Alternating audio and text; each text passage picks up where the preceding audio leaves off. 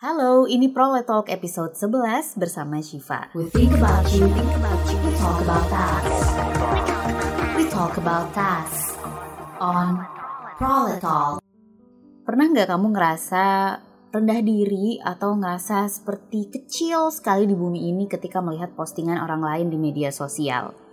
Sebagai ibu aku sering banget ngerasain ini terutama ketika orang-orang memposting soal pencapaian anaknya yang kadang kelihatan sangat-sangat wah di usia yang masih kecil.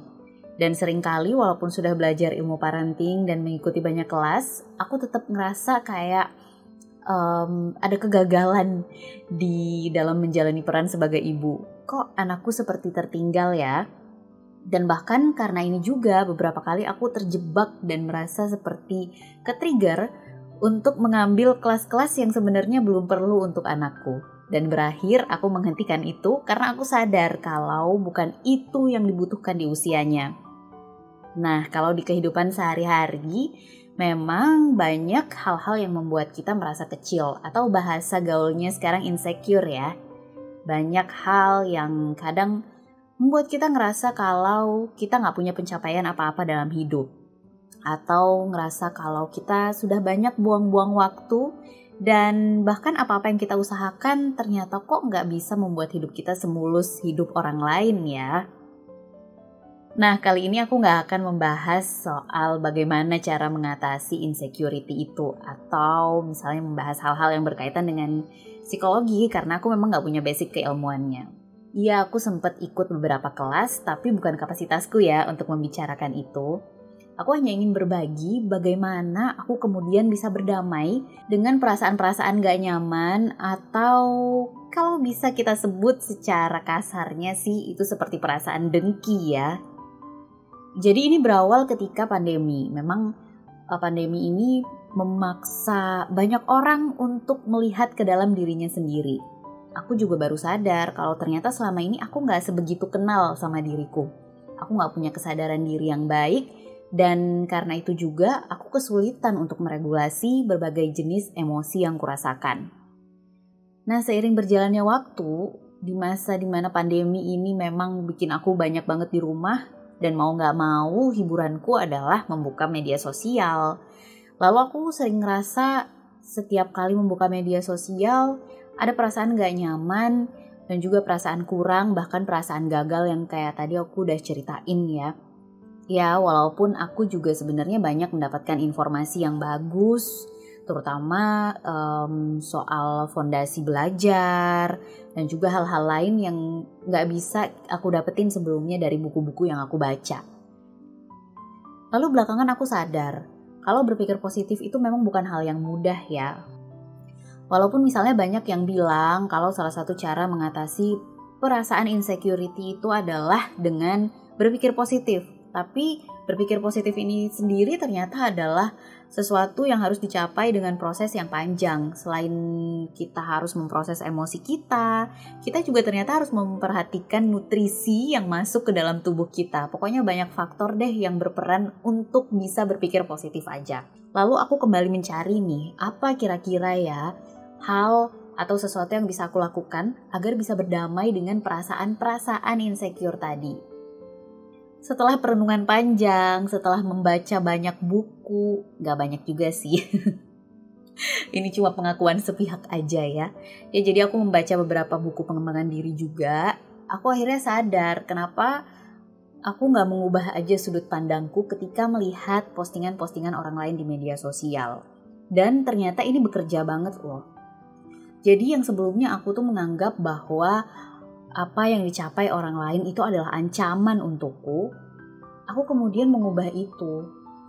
Jadi aku berpikir, aku sering kali melihat um, berita tentang orang-orang yang hidupnya cukup malang, orang-orang yang harus berjibaku dengan kerasnya kehidupan, dan kemudian aku ngerasa sedih banget. Aku ngerasa kayak aku seharusnya bisa berbuat sesuatu untuk mereka. Tapi ternyata aku malah hidup enak-enakan di sini. Nah, dengan kayak gitu, aku ngerasa kalau misalnya aku melihat orang-orang yang harus menjalani kehidupan yang berat, lalu aku merasa sedih, lalu kenapa aku harus merasa nggak nyaman ketika melihat orang-orang yang hidupnya baik-baik saja bahkan pencapaiannya bagus. Termasuk juga soal ketika melihat perkembangan anak orang lain yang sangat bagus. Kenapa aku nggak menjadikan itu sebagai contoh? Mungkin aku bisa belajar atau paling minimal aku bisa ikut bahagia karena ternyata ada satu lagi generasi penerus bangsa yang diasuh dan dididik dengan baik oleh orang tuanya. Dengan pemikiran seperti itu, aku jadi merasa lebih happy ketika ngelihat orang lain misalnya nih yang bisa membeli barang-barang yang cukup mahal karena berarti orang tersebut bisa hidup dengan kondisi finansial yang baik. Berarti berkurang lagi nih orang-orang yang hidupnya secara finansial berat. Begitu juga ketika melihat anak-anak yang perkembangannya baik tadi, kayak yang tadi aku bilang. Berarti di masa depan nih anakku bisa hidup berdampingan dengan orang-orang yang dibesarkan dengan baik oleh orang tuanya.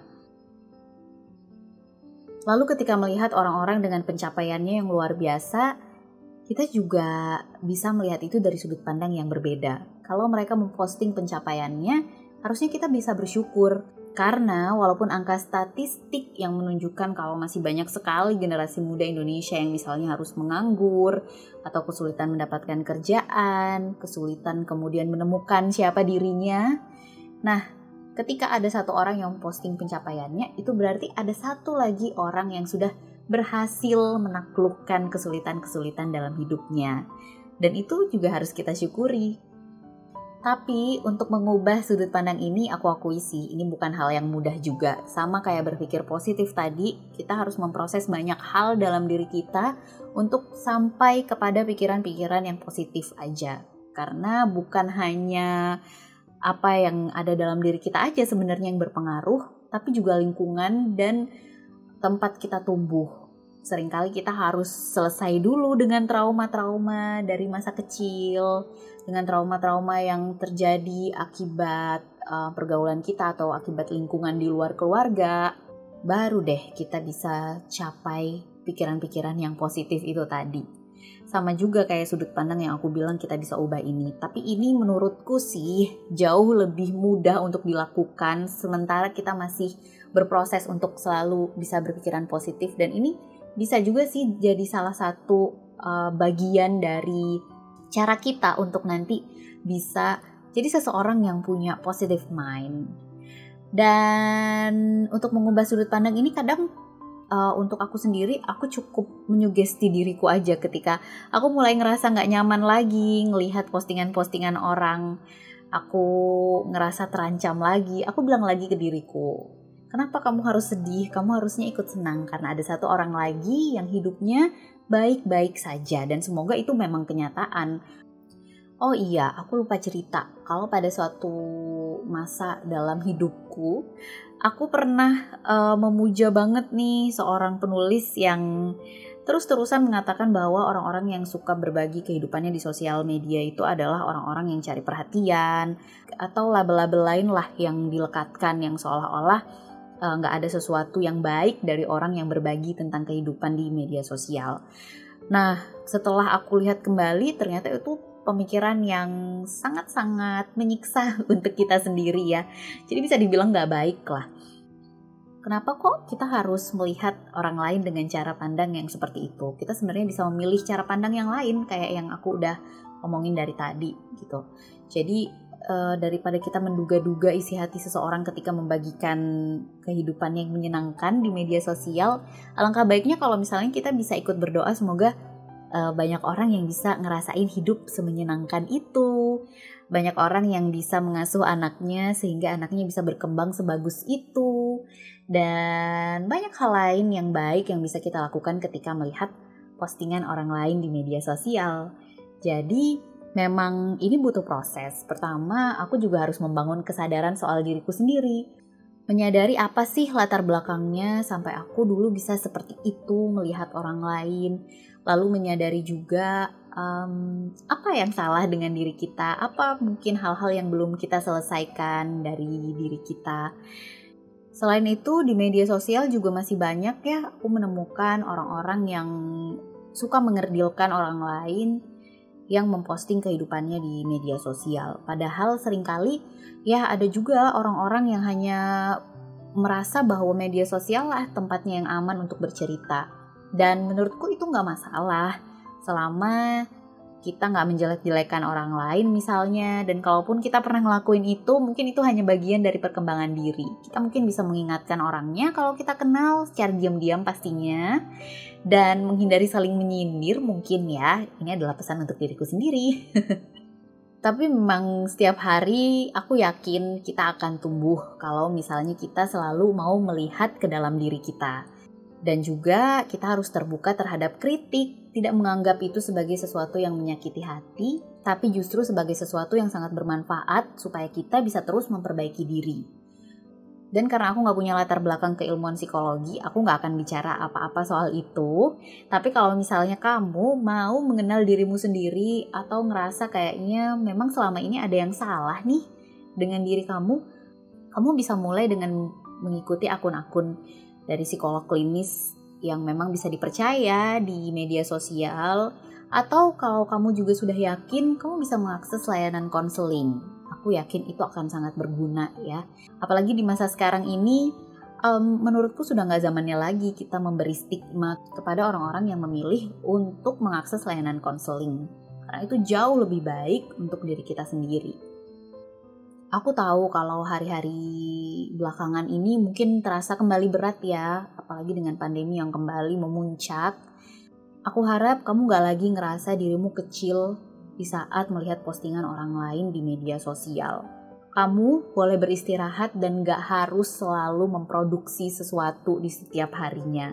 Kamu bisa tarik nafas, lalu menikmati waktumu sebentar dan jangan lupa untuk selalu berusaha mencintai dirimu terlebih dahulu dan teruslah berusaha untuk mengenali diri. Aku harap kita semua juga bisa bahagia seperti postingan-postingan yang selalu kita lihat di sosial media. Terima kasih sudah mendengarkanku di episode 11 Prolet Talk. We think about you, we talk about us on Prolet Talk.